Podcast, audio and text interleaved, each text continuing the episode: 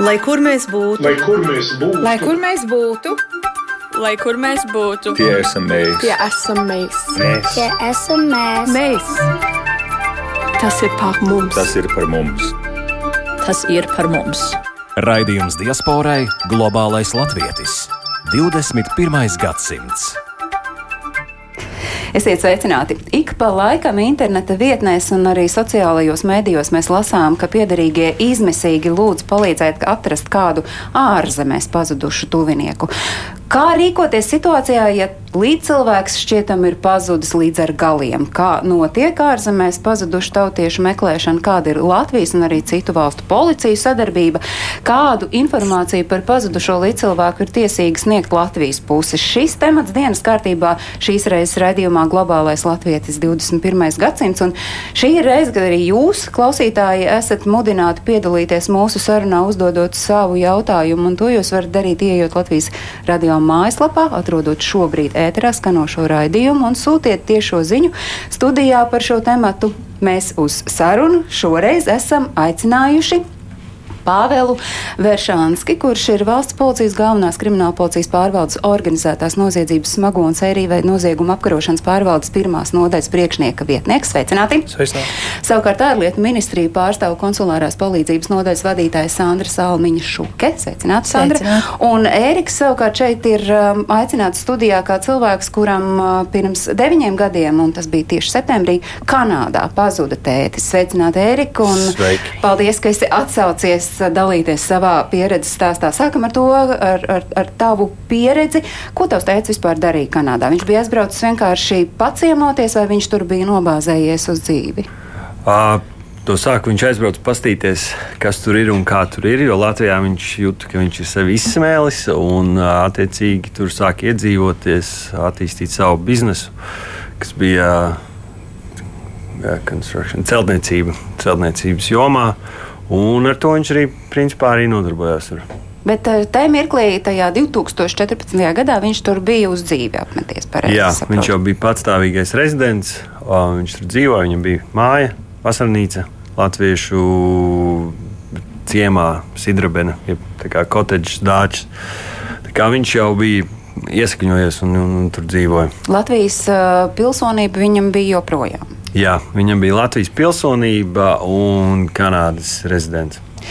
Kādi tad tavā atmiņā iegūluši 2014. gada rudens notikumi, jo ir pilnīgi aplam un muļķīgi prasīt tev, kas notika 2014. gada rudenī? Tev ir Jā. tikai tas, ko tu atceries, ko tu zināji, ko tu uzzināji. Es, es labprāt eh, jums pastāstītu, kas notika, bet, diemžēl, mēs pēc deviņiem gadiem varam tāpat paplātīt rokas kā tajā dienā. Atnāca informācija, man liekas, tā bija pirmdiena vai otrdiena. Manuprāt, pirmdiena, jo mums svēd, svētdienās bija spēles. Tātad, jā, tā bija pirmdiena pēc spēles. Viņš vēl man bija pa nakti kaut ko uzrakstījis, un pēc tam nākošā rītā, nu, jau diennakti vēlāk, uh, saņēmu ziņu, vai ir kāda ziņa no viņa, vai nav. Cilvēki viņu meklēja, nu, vienkārši izčabējis. Pazuda. aizbrauc uh, no objekta pusdienās. Un Nu, pēc divām dienām atradu viņa mašīnu. Un kopš tās dienas uh, nav neviena pavadiena, neviena gala. Tas apmēram nezinu, cik planētieši nozaguši viņu. Es nezinu, nu, tas ir līdz tam absurdam, ka pat nu, tā, ka nav nekas. Ir viens video ieraksts, kur redz, ka viņa mašīna pabrauc garām, un no tās vietas aizskrien cilvēks prom. Pat neaizskrien, aiziet ātrā solī. Vai tas ir tas pats, kas atveda mašīnu, vai nē, bet noteikti pēc uh, figūras tas nebija viņš.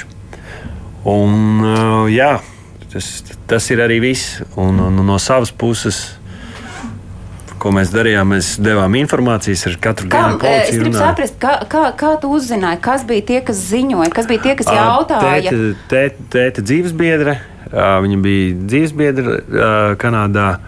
Kā arī nu, tur jau sāka pat policija arī zvanīt. Policija, kura Latvijas vai Kanādas? Kanādas Latvijas, Latvijas policija man vispār nav bijusi nekāda komunikācija līdz nu, joprojām. Kā, vai un kā jūs, kā piederīgie šeit Latvijā dzīvojošie, tikāt iesaistīti šajā nosacītu meklēšanas procesā? Mm, Manuprāt, es biju tas, ar kuru visvairāk komunicēja izmeklētāji un policija, bet es tajā laikā arī dzīvoju Norvēģijā, un patiesībā viss nāca, gāja caur mani. vislielākā daļa, jo es vienīgais laikam vislabāk sapratu angļu valodu, joprojām arī saprotu, man liekas, vislabāk no citiem tētradiem.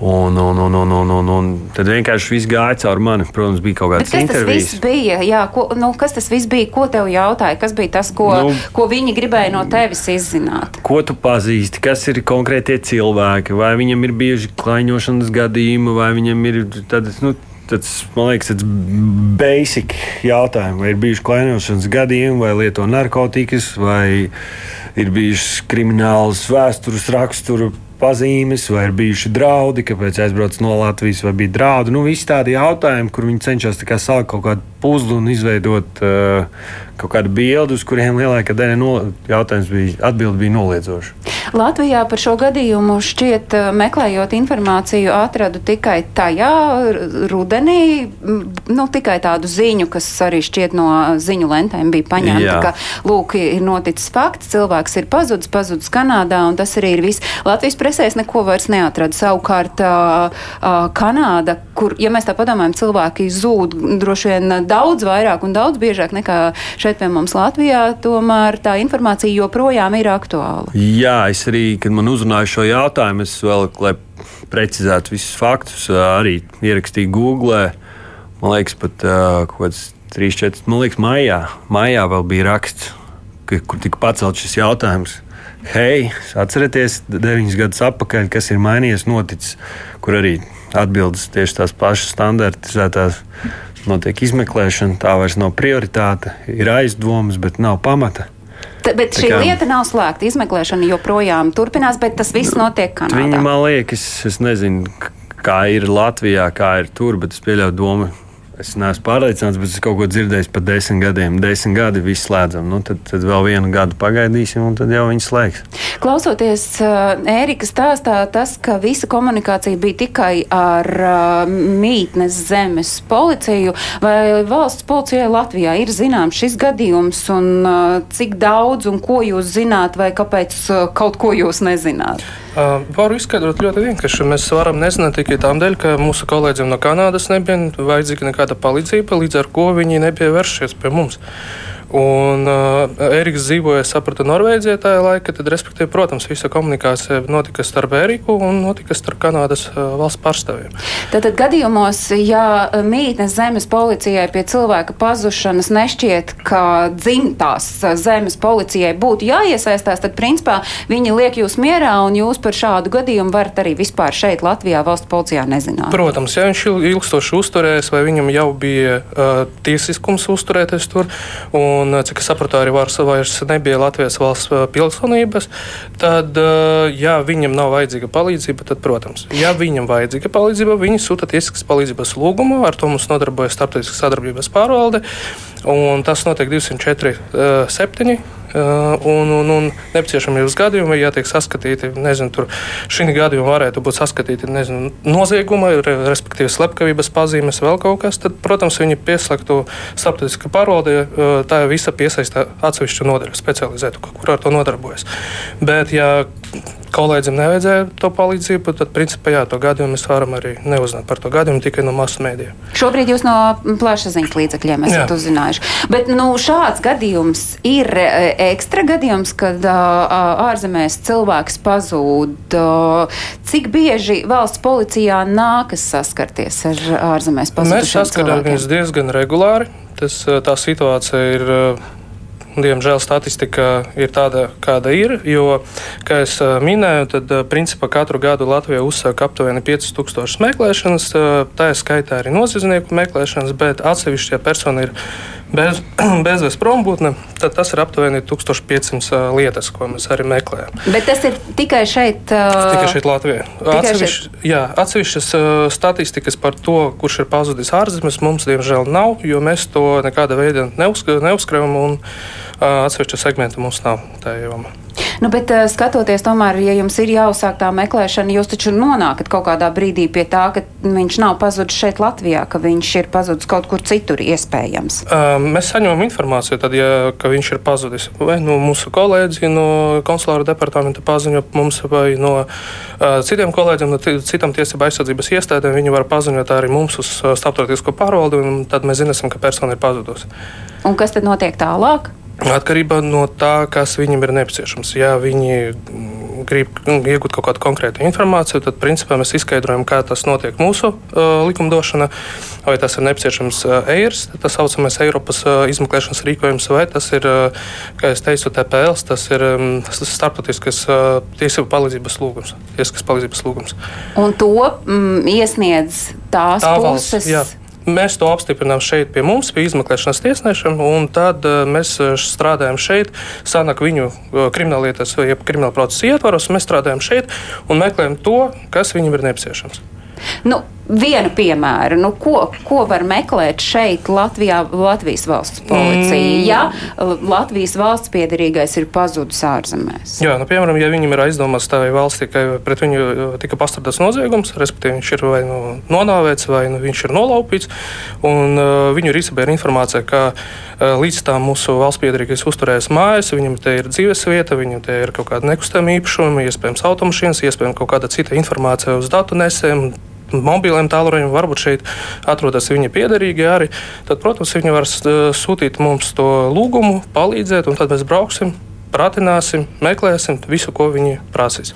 Bet nu, mēs varam pamodelēt, protams, kā būtu bijis, ja par tēta pazušanu Kanādā Ēriks būtu vai, vai kāds no šeit Latvijā piederīgajiem būtu vērsušies valsts policijā šeit Latvijā. Kāda tad tā rīcība būtu? Rīcība ir tāda, ka mēs uzreiz būtu sazinājušies, ka es jau teicu, tas ir SSP, mums ir starptautiskā sadarbība, mums tur ir uh, dežurdaļa, tas, tas saucam, tad viņi uzreiz arī būtu sagatavojuši pieprasījumu pieprasījumu Kanādai ar jautājumu, vai patiešām tas fakts ir apstiprinājies, vai patiešām cilvēks ir pazudis, vai viņi uzsaka kaut kādu lietvedību, kriminālu procesu vai citas lietvedības ietvaros, viņam veids meklēšanas pasakums, un vai Latvijas puse var viņam kaut kādā veidā palīdzēt. Bet mēdz būt gadījumi, kad tieši Latvijas puse vēršas Latvijā dzīvojošie piedarīgie ir tie, kuri vēršas valsts policijā un saka, es nespēju sazināties Protams. ar savu piedarīgo. Uh, cik bieži, es saprotu, ka nav šīs uzskaits, bet Jā. nu, par kādu regularitāti mēs varam runāt un kas varbūt tad ieskicējas un atklājas, kas tad ir noticis ar to piedarīgo tur tai mītnes zemē. Jā, tas notiek diezgan regulāri un uh, mūsu galvenais uzdevums, ka mēs uzreiz mēģinām sazināties ar tās valsts policiju, paziņot viņam, pajautāt arī viņam, vai patiešām viņi jau sāk meklēšanu. Un, un, un tad mēģinām noskaidrot, kas ar cilvēku ir noticis. Un, uh, un kas tad visbiežāk, ja tas ir tik regulāri, jā. kas tad visbiežāk atklājas? Uh, un, un varbūt kas ir tie cilvēki, kuri pazūd? Uh, principā tie ir uh, cilvēki, kas ir darbspējīga vecuma, kaut kur līdz 60 gad, gadiem, un uh, tad viņi vai nu dzīvo pastāvīgi, vai nu strādā pastāvīgi tajā, uh, tajā valstī. Un, uh, tas var būt uh, gan pret viņiem pastrādāts noziegums, tas var būt tas, ka viņi paši izdara noziegumu un atbilstoši likumdošanai, tad viņiem ir tiesības nepaziņot par savu aizturēšanu vai atrašanās brīvības atņemšanas vietas, vai arī trešie, citi varianti pilnībā pat līdz pašnāvībām.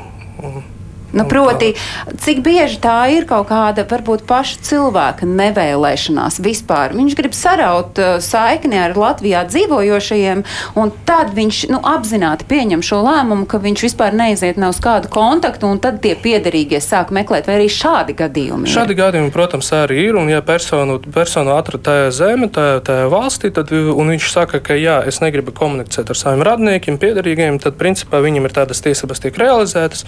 Un, mm, tās tiesības aizsardzības iestādes paziņo mums, Latvijai, par to, ka jā, cilvēks ir atradies, ka cilvēkam viss ir kārtībā, viņš ir vesels un dzīves, bet viņš negrib paziņot saviem radniekiem par savu iespējamu atrašanās vietu. Līdz ar to mēs tiem cilvēkiem paziņojam, ka ar viņu viss ir kārtībā, bet viņš realizē savas tiesības, un tad viņš nepaziņo, kur viņš atrodas tagad. Un, savukārt, ja runājam par tiem gadījumiem, kad cilvēki šeit Latvijā ir sašmucējušies un patiesībā viņiem draud sots par kādu likumu pārkāpumu šeit Latvijā, tad viņi aizbrauc un nozūd, vai arī šādi gadījumi ir, un arī šāds gadījums valsts policijai no Latvijas puses nākas izmeklēt. Protams, protams, ja cilvēks izdarīja šeit pārkāpumu un viņu gaida sots, protams, viņš var atstāt Latviju, bet mēs uzsāksim viņu meklēšanu, mēs uh, izsludināsim viņu meklēšanu, starptautiskajā meklēšanā arī varam izsludināt, un cik tālu atradīsim, tad viņam būs jāiet uz tiesu tur uz vietas, un, lai viņu izdot pie mums. Bet šādi Labi. gadījumi mēdz būt regulāri. regulāri? Jā, protams. Ja cilvēkam ir aizdomas, ka viņš tomēr dabas reāla brīvības atņemšanu, tad pamata, tad viņš vienkārši var aiz, saka, aizskriet uz citu valsti.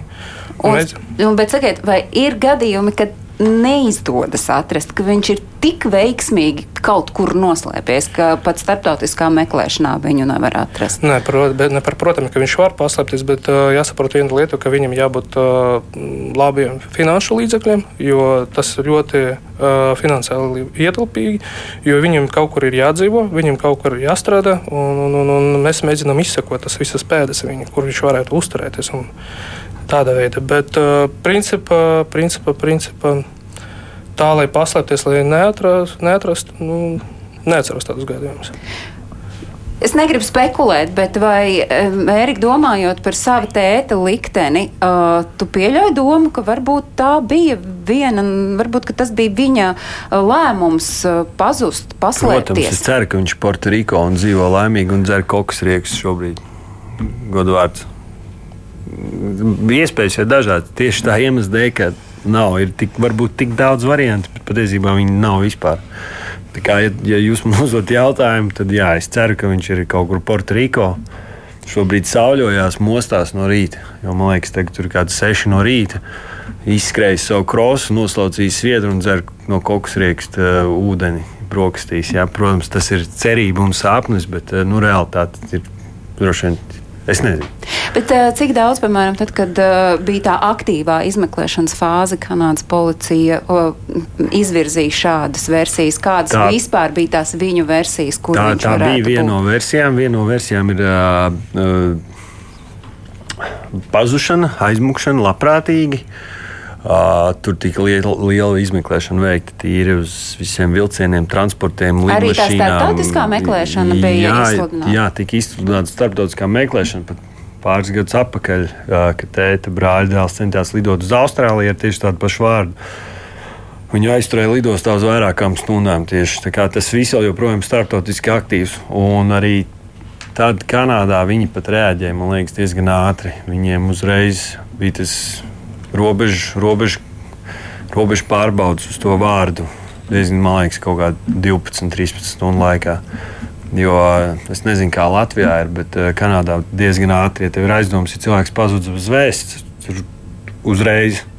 Man liekas, es laboju, ja kļūdos Latvijā, man liekas, tur 24 stundas jāpagaida. Vai, vai. Nē, nē, nē. Viss. Arī- ir Jā, meklē iesniegums. Jā, nē, nē, jā, protams, Jā, ja cilvēks ir pazudis, uzreiz tiek iesniegts iesniegums un uzreiz tiek uzsākta arī meklēšana. Ļoti bieži arī mēs dzirdam visādas uh, idejas no cilvēkiem, ka, respektīvi, vajag trīs dienas gaidīt, vai vajag, lai tas ir kāds radnieks iesniedz to iesniegumu. Nē, tā nav. Respektīvi, nav jāgaida trīs dienas, ja cilvēks atnāk, ja policijas darbinieki, protams, uzreiz pieņem to iesniegumu un uzreiz uzsāk meklēšanu. Tieši tas pats arī notiek, ja, piemēram, tas, uh, kurš man ir šķietami pazudis, dzīvo ārzemēs, es tieši tāpat vēršos valsts policijā, un valsts policija uzreiz nekavējoties Mēs rēģē. uzreiz arī pieprasīsim to informāciju no tās valsts, kur tas, tā persona varētu uzturēties un precizēt, vai ar viņu viss ir kārtībā, vai pret viņu netika pastrādāts noziegums. Kad uh, tēvs pazuda, tev nenāca prātā doma jūsu ģimenei arī vērsties paralēli valsts policijā Latvijā? Ja godīgi, tad īsti nē, jo man liekas, viņiem te ir darba pietiekami ar to, kas notiek te. No mūsu skata punkta vismaz uz to brīdi tas netika vispār saistīts ar Latviju vai atgriešanos Latvijā. Laika gaitā ir viena no versijām, ka tas varētu būt pasūtījums no Latvijas. Jā, bet, eh, bet tā ir atkal viena no versijām. Tā ir viena no spekulācijām, versijām. Jo vairāk tu domā, jo vairāk naktīs tu negulti, jo attiecīgi fantāzija naktīs. Bet tās ir tavas Ir. spekulācijas policijai. arī šādu Tā ir viņa- versiju tā ir- ir gana daudz. Tā bija viena no versijām arī, kas varētu būt no Latvijas saistīts ar viņu darbību, biznesu, uzņēmēju darbību Latvijā pirms tam, tad ar darbību tur, tad ar uh, regulāro dzīvi tur, un ceturtā versija bija tiešām tā. Aizbraukšana prom. Tās ir čet, četras lielas versijas. Nu, tad viņas visas viņi skatījās. E, Ņemot vērā, ka e, valsts policija Latvijā par šo gadījumu uzzināja tikai no mēdījiem, un ņemot vērā, ka mums ir ārlietu ministrijas pārstāvis šeit studijā konsulārās palīdzības nodaļas vadītājs Sandra Salmiņš Ukies vēršos pie jums, Sandra. Uh, kāda loma, jā, vai jūs zinājāt par Ērika tēta pazušanu? Tas ir viens. Nez, nezinājām gan. Es vēl pārskatīju visus mūsu ierakstus, jo mums ir arī 24, 7 tālrunis. Nu, principā visi, kuriem ir kaut kas neatliekams, skaidrojums vai ziņojums, tie zvana šo tālruni. Arī, tad, arī tur mēs neatradām. Bet, nu, katrā gadījumā mūsu kolēģi Kanādā ļoti raiti, tāpat kā tu teici, atrada ziņas presē, un mēs arī izrunājām. Vienīgais par Kanādu runājot, mums kolēģi teica, ka Kanādā ļoti, ļoti strikti personu datu aizsardzības noteikumi, pat striktāk nekā mums. Tā kā viņi arī pieļāva, ka varbūt jūs Latvijā vai tajā laikā Norvēģijā varējāt visu nesaņemt, bet no acīm redzot, tā gluži nav tiesa vismaz ne pirms deviņiem gadiem. Bet kāda tad ir tā ārlietu ministrijas loma šādos gadījumos, kad pazūd uh, Latvijas valsts piedarīgais ārzemēs? Jā, nu man jāsaka, līdzīgi kā valsts policijas kolēģim, ka mēs arī šos um, lūgumus pēc palīdzības saņemam katru nedēļu vairākus. Es neņemšu spriest konkrētu skaitu, bet tie ir daudz katru nedēļu.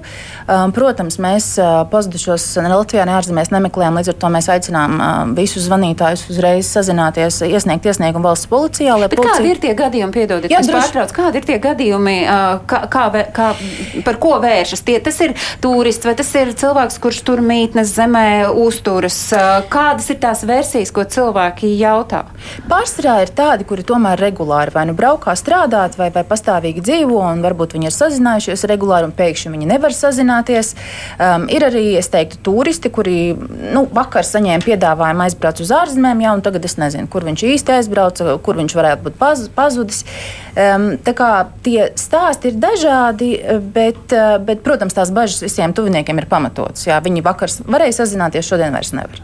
Tālāk tad jūsu rīcība ir tāda, Jā, ka jūs nu- tikai konsultējat, kā rīkoties. Mēs konsultējam, kā rīkoties. Jā, tas ir iesniegums valsts policijā, bet līdzīgi kā policijas kolēģis jau minēja, nereti ir gadījumi, kad mūsu rīcībā ir jau kaut kāda informācija par cilvēku. Um, klasiski visbiežāk tie ir ārzemēs aizturētie. Saskaņā ar Vīnas konvenciju ārvalstīm ir pienākums mums paziņot par ārvalstī aizturētu latvieti, bet ar piebildi, ja viņš to vēlas. Līdz ar to ir cilvēki, kuriem ir kauns par to, ko viņi ir izdarījuši. Citi nevēlas satraukt savus tuviniekus, un viņiem šķiet, nu, es te mazliet pasēdēšu cietumā, un tad jau es būšu mājās. Bet, nu, protams, ir varbūt tādā brīdī grūti apzināties, ka tie tuvinieki jau vienmēr pieļauj pašu ļaunāko. Viņi pieļauj, ka viņi ir gājuši bojā kaut kur, kaut kā vai smagā stāvoklī slimnīcā. Um, līdz ar to tas, tā ir viena kategorija, un ja mums šī informācija ir ienākusi, tad, protams, mums ir pienākums tomēr pārliecināties, vai šis cilvēks ir vēlējies, lai tie tuvinieki inf tiek informēti par viņa aizturēšanu vai nē. Un, ja gadījumā tā nav, un arī valsts policijas kolēģi tajā brīdī, kad iesniegums tiek iesniegts, viņi jautā mums, vai mums ir šīs ziņas ienākušas, jā, un tad es gan nezinu, ko jūs atbildat tuviniekiem, vai viņš, ka viņš tur ir, vai viņš vienkārši ir atrasts, vai viņš ir cietumā. Nu, katrā gadījumā tas aplis šādā veidā arī noslēdzās, ja mums šī informācija ir.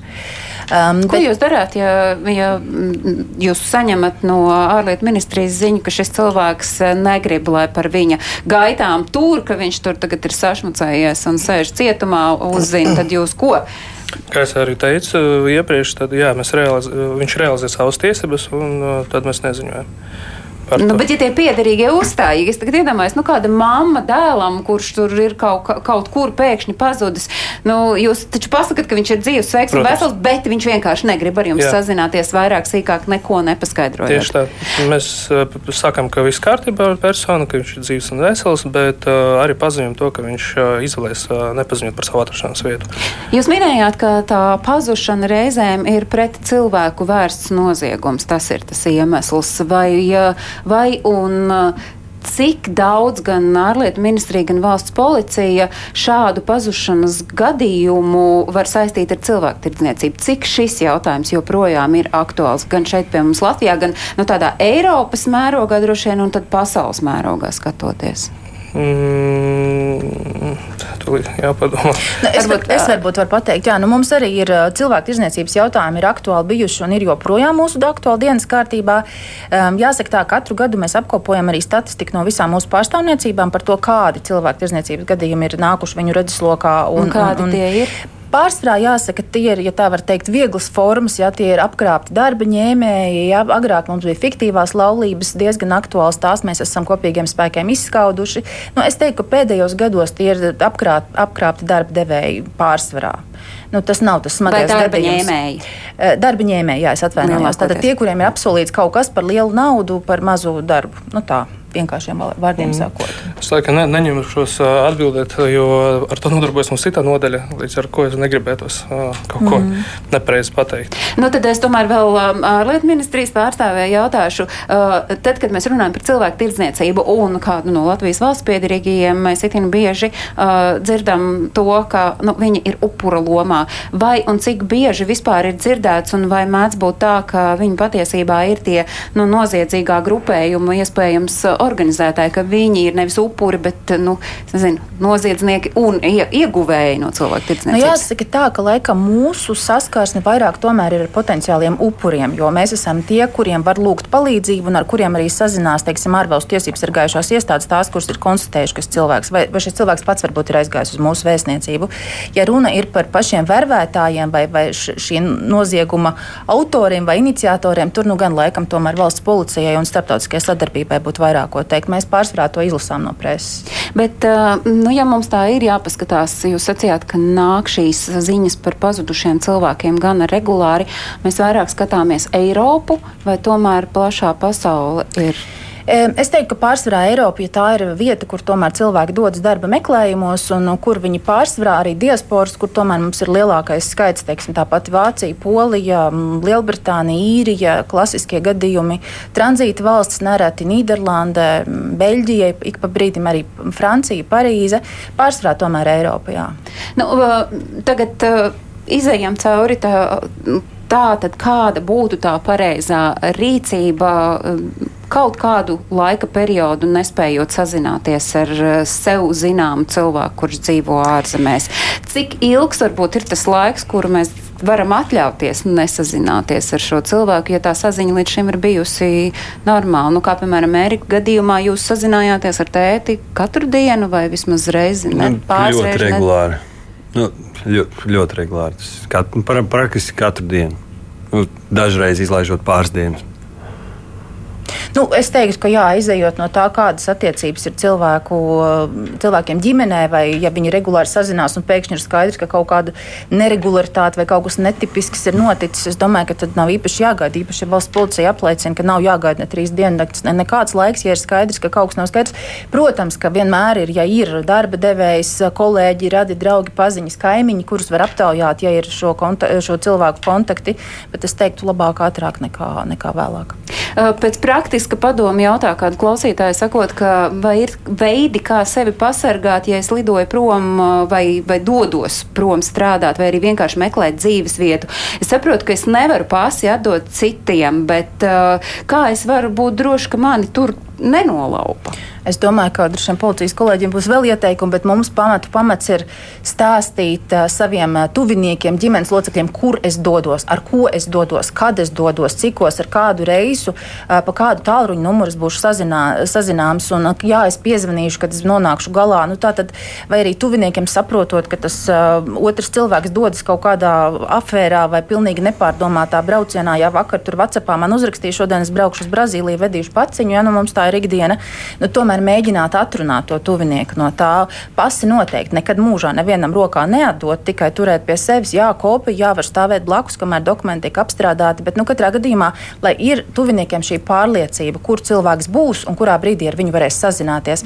Tagad nesen tikko bija zemestrīce traģiska Marokā. Mums arī bija zvans par to, ka ir divi cilvēki devušies uz Maroku un ar viņiem nevar sazināties. Mēs, protams, vienmēr pieņemam ļaunāko, bet izrādījās, ka cilvēki tikai bija ceļā. Viņiem vienkārši lidmašīnā bija izslēgta tālruņa numura arī kaut vai zināt to laika starpību, kurā brīdī viņš būs sazvanāms. Nevis jau krist panikā. Es saprotu, cilvēks vienmēr pieņem sliktāko, bet parēķināt to brīdi, kad viņš jau būs pie telefona. E, drīkstu uh, paprecizēt, tiešām, uh, kas tad notiek, kad ar to paciņu uz Brazīliju šodien piedāvā Tas ir atsevišķi jālido? Tas ir atsevišķi stāsts, kas parasti beidzās to, ar to, ka mamma nāk uz valsts policiju ar iesniegumu, ka dēls ir kaut kur devies strādāt un nav sazināms, un mēs ik pa brīdim tiesa neregulāri no Brazīlijas saņemam ziņu, ka viņš sēž cietumā par narkotiku vēl pārvadāšanu. Un tādu ir bezgalīgi daudz, diemžēl ļoti daudz salauztu dzīvi, un ne tikai Brazīlijā, bet arī citur Dienvidamerikas valstīs. Par pazušanu raksta klausītājs ir tāda GPS tracking iekārta, kuru var likt somā vai kabatā valsts policijai, vai ir vēl kādi ieteikumi, kā cilvēkam, nu, dodoties uz ārzemēm, gan ceļojot, gan arī vienkārši dodoties tur dzīvot uh, uz kādu laika periodu, kā sevi pasargāt. Varbūt ir vēl kādi ieteikumi. Es piekrītu kolēģi no ārlietu ministrijas. Primārais vajag pēc iespējas vairāk nodot informācijas radniekiem. Pēc iespējas vairāk, pie kā jūs braucat, uh, kur jūs uh, dzīvosiet, vai kur jums tā vietiņa būs, vai viesnīca, vai kā. Un, protams, ir jāvienojas par iespējām sazināties pa vienu, nezinu, tur telefonu, varbūt iespējams pa otru telefonu. Un tad, tad, tad jā, tad pēc iespējas vairāk informācijas nodot. Un jāsaprot, kur jūs lidojat un, un, un, un kāpēc. Dzīvojot uz vietas? Tur uz vietas dzīvojot. Protams, tāpat visu informāciju, visu iespējamo informāciju, kā var jūs atrast, tad, protams, uzreiz labāk nodot radniekiem. Jā, bet Erika gadījumā tas uh, neko nelīdzēja. Tu zināji, kur tēvs ir. Tu liekas, zināji, ar ko viņš nodarbojas. Cits, cits, jā, cits, cits gadījums. Te, te nav ceļotājs, viņš jau ir jau praktiski tur dzīvoja. Tur arī tika iesaistīti daudz viņa vietējie draugi. Viņam arī bija ļoti tieši Latvijas diaspora, ļoti, ļoti, ļoti plaši pazīstama. Un, un, un viņi arī ļoti daudz iesaistījās. Kā, bet adresi arī mēs zinājām, protams. Uh, starp citu, daudz droši vien tagad pie sevis domā, nu kā tur taču vajag ie, iesaistīt bez vēsts.lv, tie taču visus gandrīz palīdz atrast tik, cik vajag un var, bet ārzemēs pazudušos viņi nemeklē. Tikmēr uh, mēs arī uzrunājām šī raidījuma gaitā, veidojot uh, pilsonības un migrācijas lietu pārvaldi. Viņi arī saka, ka viņiem nav uh, ziņu par tiem datiem, uh, par tiem cilvēkiem, kur dzīvo ārzemēs, jo viņi visbiežāk nenorāda to savu mītni mītnes zemes adresi. Un, Viņiem gan ir šis pakalpojums saziņai ar personām, kuru kontakti ir zuduši, taču primāri šis pakalpojums tiek eh, izmantots tieši Latvijas Republikas teritorijā, un līdz ar to pilsonības un migrācijas lietu pārvaldē nav datu par to, vai šādu pakalpojumu izmanto arī gadījumos, ja ir nepieciešams sazināties ar ārvalstīs dzīvojošu Latvijas pilsoni. Tad pārvalde nevienu nemeklē. Šis pakalpojums gan paredz to, ka var aizsūtīt vēstuli kādai konkrētai personai uz fizisko personu reģistrā norādītu to adresi, šī saziņa tehniski būtu iespējama tikai tad, ja tas ārvalstīs dzīvojošais Latvijas pilsonis pārceļoties uz dzīvi ārzemēs būtu norādījis to savu aktuālo adresi. Bet tā kā, kā jau es minēju, visbiežāk tas netiek norādīts. Tad, ja tu tā labprātīgi gribi pazust, es varbūt labojiet mani, ja es kļūdos, tas ir ļoti vienkārši pazust.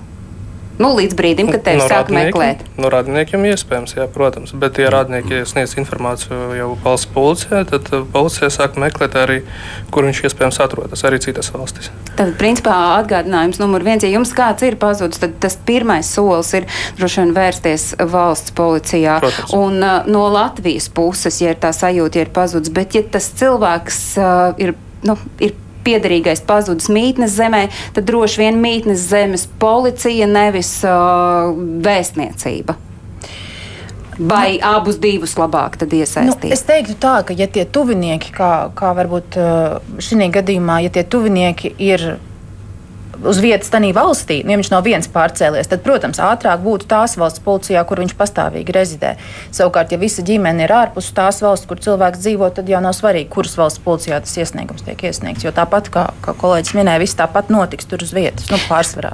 Mēs šobrīd runājam par, par pazudušiem cilvēkiem ārzemēs, kas ir Latvijas valsts piederīgie, un par tādu aktuālo situāciju, par šā brīža, par 2023. gada notikumiem, ja tagad ir pazudis cilvēks. Bet es tagad pamodelēju, es pētu savu ciltskoku un es atklāju, ka man ir piederīgie, kas uh, ir savulaik izbraukuši trimdā un tur arī ir dzīvojuši, bet man nav nekādu saikņu un sakaru ar šiem cilvēkiem bijis, bet es tur gribētu uzzināt, nezinu, piemēram, um, vectētiņa brālēna kapa vietu vai satikt viņa piederīgos. Kā šādos gadījumos, un kas palīdz, un kā šādu meklēšanu risināt? Es droši vien skatīšos uz ārlietu ministriju, jo arī noteikti, ka tādu gadījumu labi varbūt mazāk kā, kā tie aktuālie, bet tomēr. Tā varbūt es teiktu, ka es te vienu neatceros. Mums drīzāk ir pretēji, kad um, ārzemnieki vai, vai pēcteči meklē Latvijā teiksim, kādu apglabāto atdušas vietas. Es teiktu, ka droši vien tā līdzībās domājot tieši tāpat kā Latvijā. Tas ir arhīvs, tā ir varbūt tās valsts vēstniecība, ja tas arhīvs konkrēti nav zināmi kontakti. Iespējams, ir arī kādi brīvprātīgie vai maksas pakalpojumu nodrošinātāji, kas, kas arī to var izdarīt cilvēka vietā.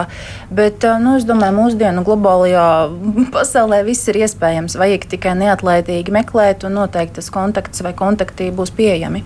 Nu, mēs pamazām tuvojamies mūsu sarunas noslēgumam. Mums ir vēl uh, piecas minūtes atlikušas. Es gribētu tad lūgt uh, ārlietu ministrijai varbūt uzskaitīt tos gadījumus, kad noteikti ir vērts vērsties uh, konsulārijā departamentā. Jo, ja mēs par pazuduši runājam, tad mēs varam runāt ne tikai par pazudušiem cilvēkiem, bet ar uh, vēl virkni kā pazuduša galvenokārt jau droši vien dokumenti. Nu jā, tā laikam ir mūsu ikdiena. Pazuduši dokumenti ceļojuma laikā. Nereti ir arī citas problēmas, ar kurām ceļotāji paši netiek galā. Dažkārt ir kādas veselības stāvokļa pasliktināšanās, nu, kad arī īsti nav skaidrs, uz kurieni doties. Ir kaut kādi apkrāpšanas gadījumi, ar, kuru mēs, ar kuriem mēs nenodarbojamies. Bet nu, mēs vienmēr sniegsim komentāru, ieteikumu, ko tad īsti darīt.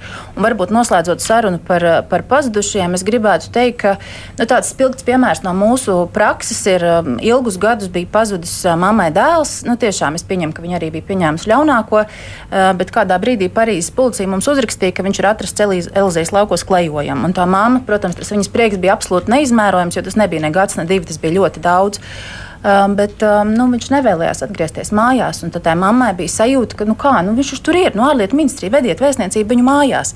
Bet ir jāsaprot, ka mēs nevienam pret viņa gribu viņu mājās atvest nevaram. Tā kā, ja tas cilvēks tur ir, tad vai nu tuvinieki brauc pie viņa, vai nu, diemžēl viņi samierinās, ka, ka, ka, ka tā tas ir. Bet nu, vismaz viņi zina, ka viņš ir dzīvs. Nu, un līdzīgi arī valsts policija, ja tas cilvēks būs izlēms, ka viņš negrib neko šeit darīt, un viņš nav uh, pastrādājis noziegumu, par ko viņam būtu jāizcieš sots šeit, Latvijā, tad tad visticamāk, nu, viņi, tā ir viņa brīva izvēle. Jo... Tieši tā. Jā. Nu, vienīgais, laikam, piebildīšu par cietumniekiem, nereti viņi pārdomā. Viņi sākumā negrib ar mammu sazināties, bet tad, kad vajag kaut ko, lai mammīte atsūta vai naudu, tad, nu, tad jā. Un ar tad, ko tad viņi sazinās?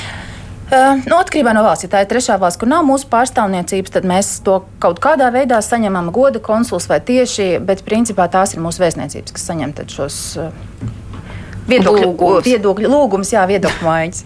Bet tad ko darīt, ja cilvēks ir palicis bez dokumentiem un ir pazaudējis viens vietā valstī, kur ir vēstniecība, pārstāvniecība, un ko tad, ja tur nav? Nu, vienmēr mēs sakām, zvaniet mums, mēs jums izstāstīsim, ko darīt tālāk. Tātad mūsu 24,7 tālrunis ir 2633, 7711, otra pusīte, kā Latvijas kods, tikai sākumā 26. Klasiski, ja tā ir trešā valsts un mums nav vēstniecības, tad varbūt ir goda konsuls, kas var izsniegt šo atgriešanās apliecību dokumentu, ar kuru var vienu reizi atceļot mājās, vai arī mums ir ļoti, ļoti laba sadarbība ar Eiropas Savienības kolēģiem. Principā Eiropas, Savienī, Eiropas Savienības pilsonis visur ir pārstāvēts, kur ir Eiropas Savienības vēstniecība. Tā kā ja valstī ir Nīderlanda, Dānija vai Zviedrija, Somija, visur var iet, visur palīdzēt. Jep, jep, tieši tā. Uh, kā var sazināties ar cilvēku citas valsts cietumā, vai ir jāzvan uz uh, vietējo policijas iecirkni, vai viņi tur dos informāciju, vai viņi sniegs to informāciju? Uh, nebija ar tādu saskaries, bet pieļauju domu, ka nē. Ja piezvanīt uz, valsts, uz, uz vietējo policiju, tad uh, nedomāju, ka viņi meklēs uh, to personu un uh, saziņas iespējas ar viņu. Pieļauju domu, ka vajag zvanīt konkrēti jau cietumam vai sūtīt kaut kādus vai nu vestulē. Vai...